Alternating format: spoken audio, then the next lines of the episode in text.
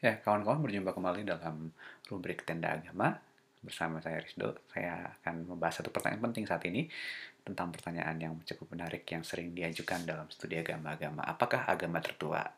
Pertanyaan yang paling ini sering kali dijawab sebagai Hindu adalah agama tertua. Benarkah demikian? Itu pertanyaan yang akan kita diskusikan dalam diskusi di Tenda Agama kali ini.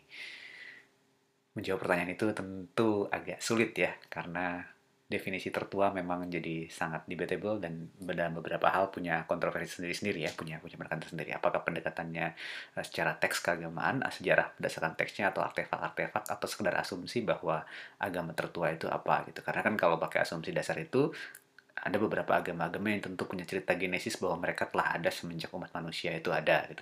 Ada juga yang mungkin punya pendapat lain bahwa mereka berdiri setelah ada satu atau beberapa sosok tertentu.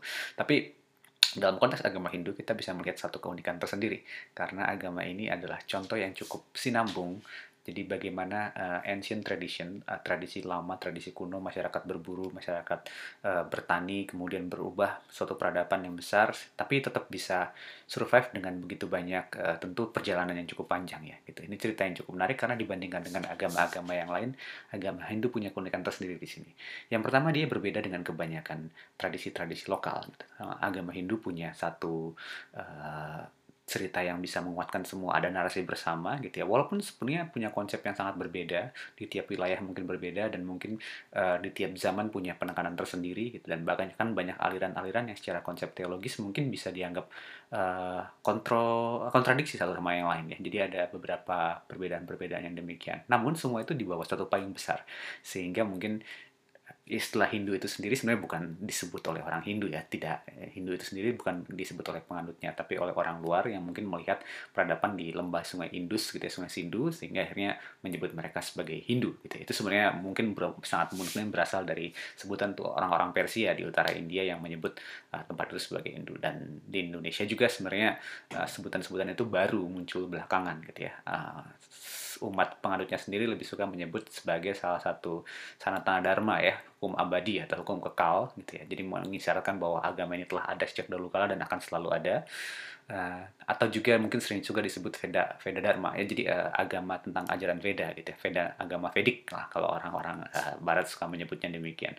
Tapi seperti yang saya katakan tadi ini adalah contoh bagaimana satu agama bisa berkembang dari tradisi yang sekian panjang suatu peradaban. Dugaan paling umum secara sejarah sebenarnya uh, ini adalah perpaduan yang cukup unik antara uh, kebudayaan sudah cukup lama berkembang gitu ya. Kemudian uh, mungkin kita tahu cerita soal Mohenjo-daro di, di Harappa ya di sekarang wilayah Pakistan gitu ya. Jadi wilayah yang dulunya katanya satu peradaban Indus Valley gitu ya, lembah Indus yang sangat besar salah satu dari tiga peradaban terbesar dan tertua di dunia selain Mesir dan juga Sumeria gitu. Jadi ini adalah cerita panjang yang cukup lama gitu dan agak berbeda dengan agama-agama yang tadi saya katakan, tradisi-tradisi sebelumnya, mereka tidak bertahan lama. Tapi agama Hindu mungkin salah satu yang cukup unik karena bisa mempunyai narasi yang besar tadi. Gitu ya. Jadi kita tahu agama-agama Sumeria kuno dan agama Mesir kuno mungkin sekarang dari uh, situs-situs arkeologi atau dari tinjauan sejarah maupun tinjauan uh, yang kita baca dari artefak-artefak yang ada. Gitu. Dan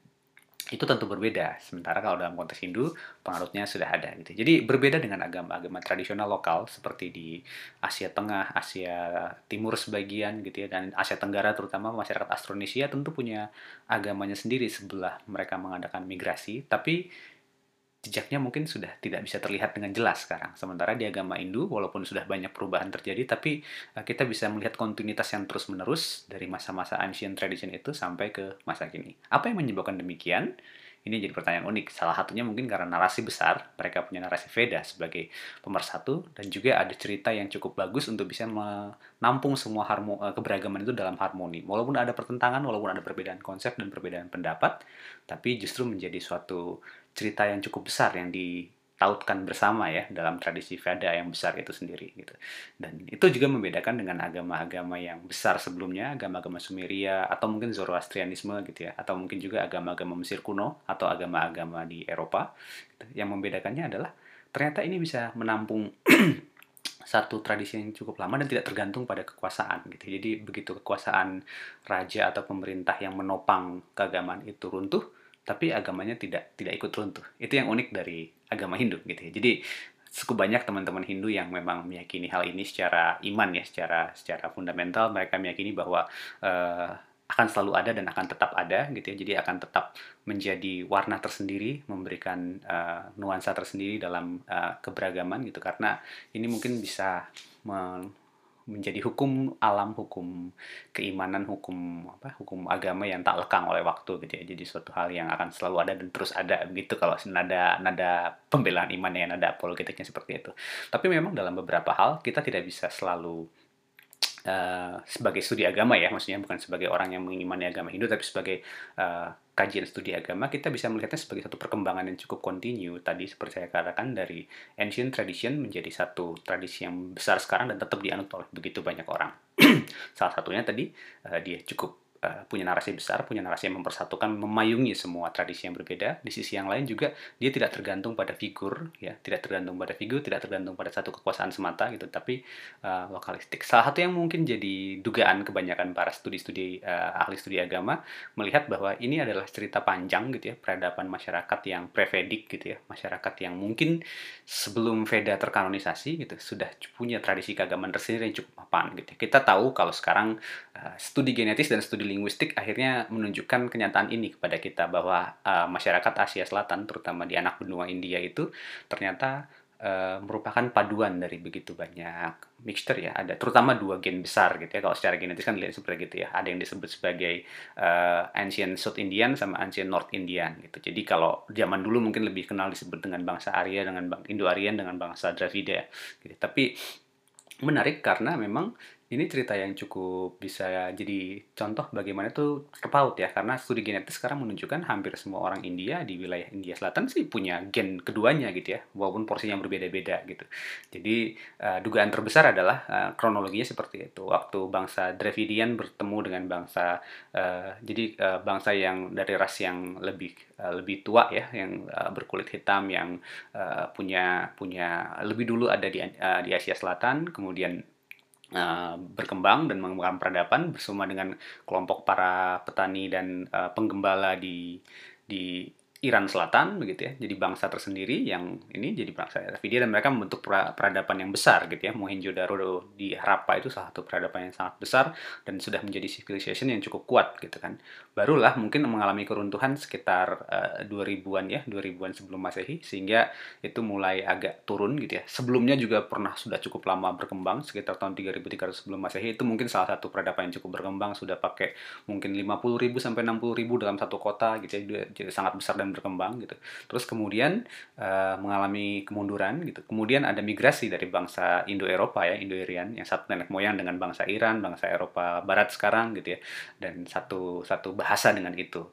Terus kemudian mereka uh, mixture dan akhirnya jadi uh, bercampur dan cukup baik. Salah satu studi yang cukup bagus menunjukkan itu tadi, studi genetis menunjukkan bahwa hampir semua orang India sekarang punya campuran dua gen utama itu dicampur, dicampur juga dengan gen-gen yang lain ya dari bangsa uh, uh, Astroasiatik bahkan dari bangsa Tibet dan yang lain. Tapi intinya dua gen besar itu ada di semua orang India saat. Dan juga satu hal yang menarik dari studi linguistik adalah bahasa Sanskrit sebagai sebenarnya secara salah satu rumpun dari bahasa Indo-Eropa, Indo-Arya.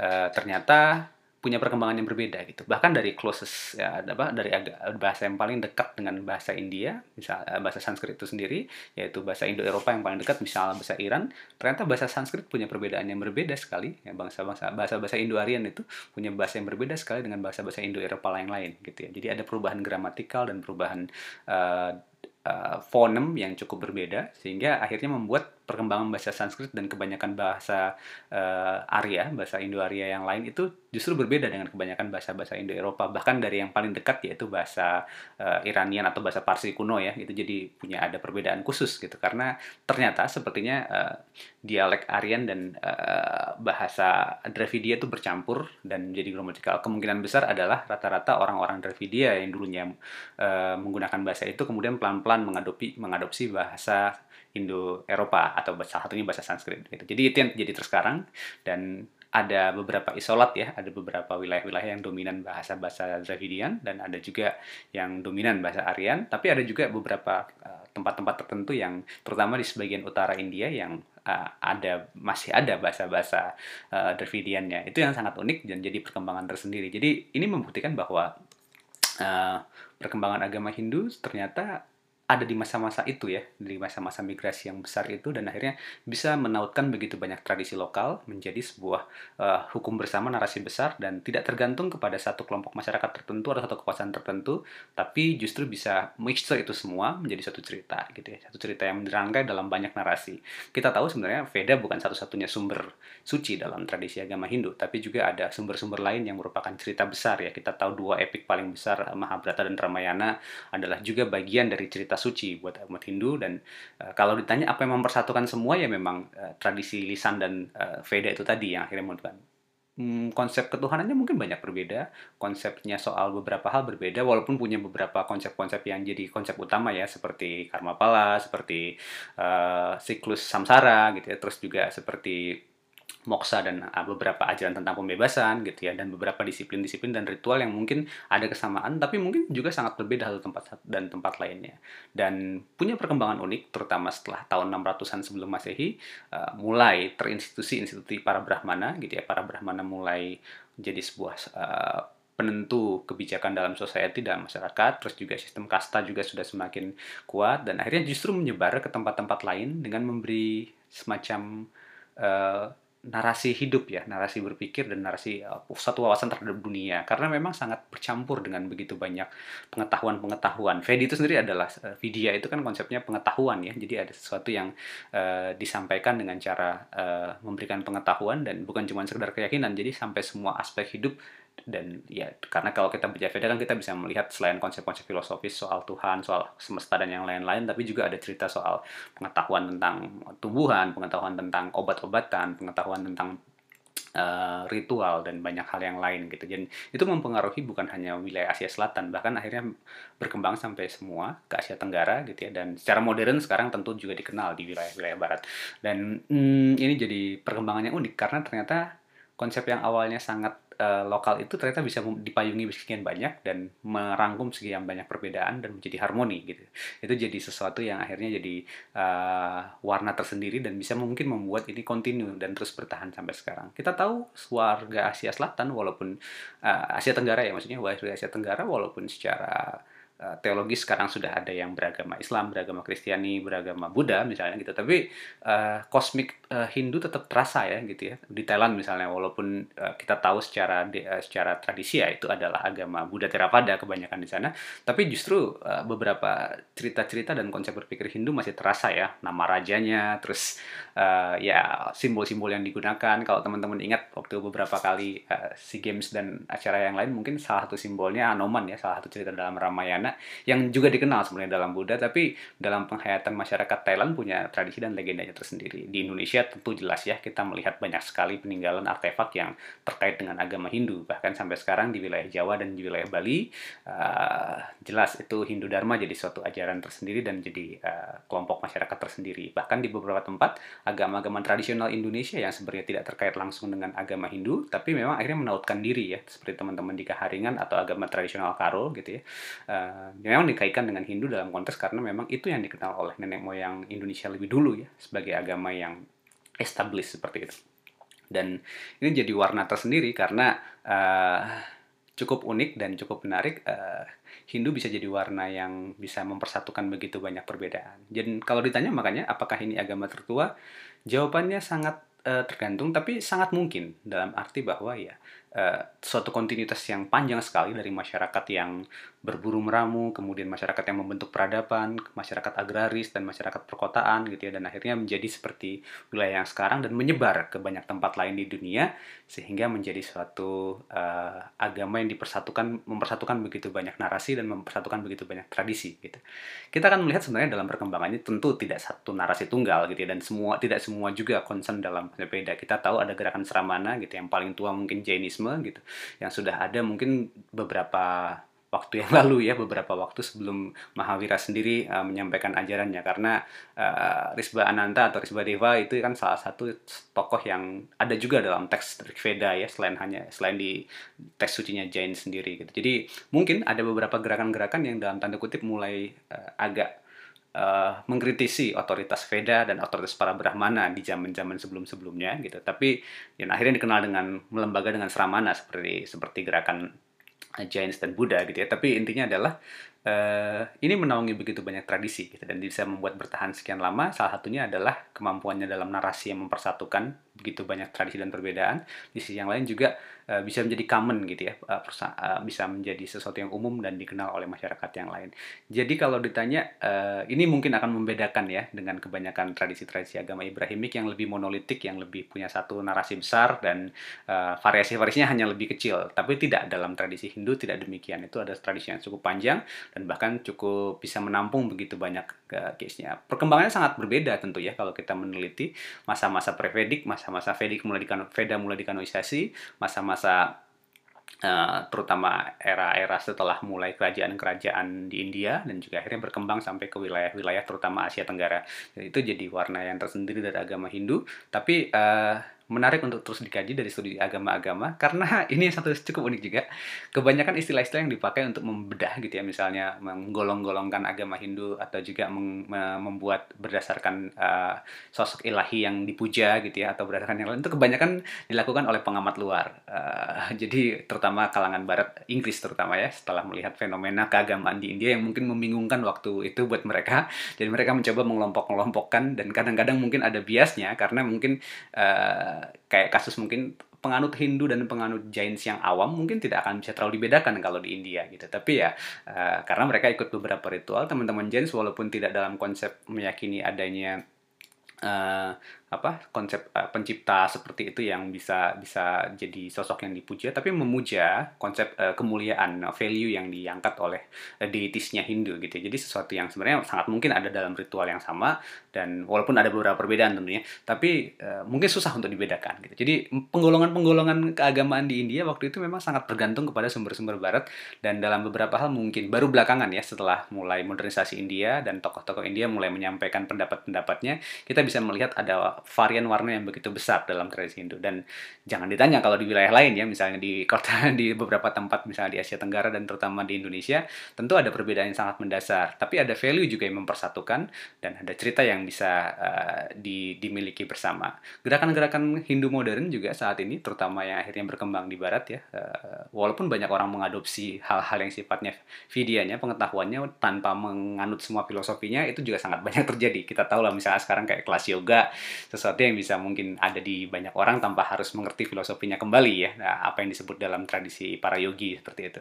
Ini yang menarik karena ternyata bisa diambil sebagian terus di ini dan praktekkan yang lain gitu. Itu yang sesuatu yang jadi uh, konsep tersendiri. Sanatana Dharma sebagai suatu sistem atau agama Veda sebagai suatu sistem yang akhirnya kita sebut dengan nama Hindu itu sebenarnya tidak satu warna dan sangat sangat multi universe gitu ya. Dan itu yang mungkin bisa membuat sekian lama bisa bertahan diadopsi dan juga dimiliki oleh begitu banyak orang secara universal sekarang.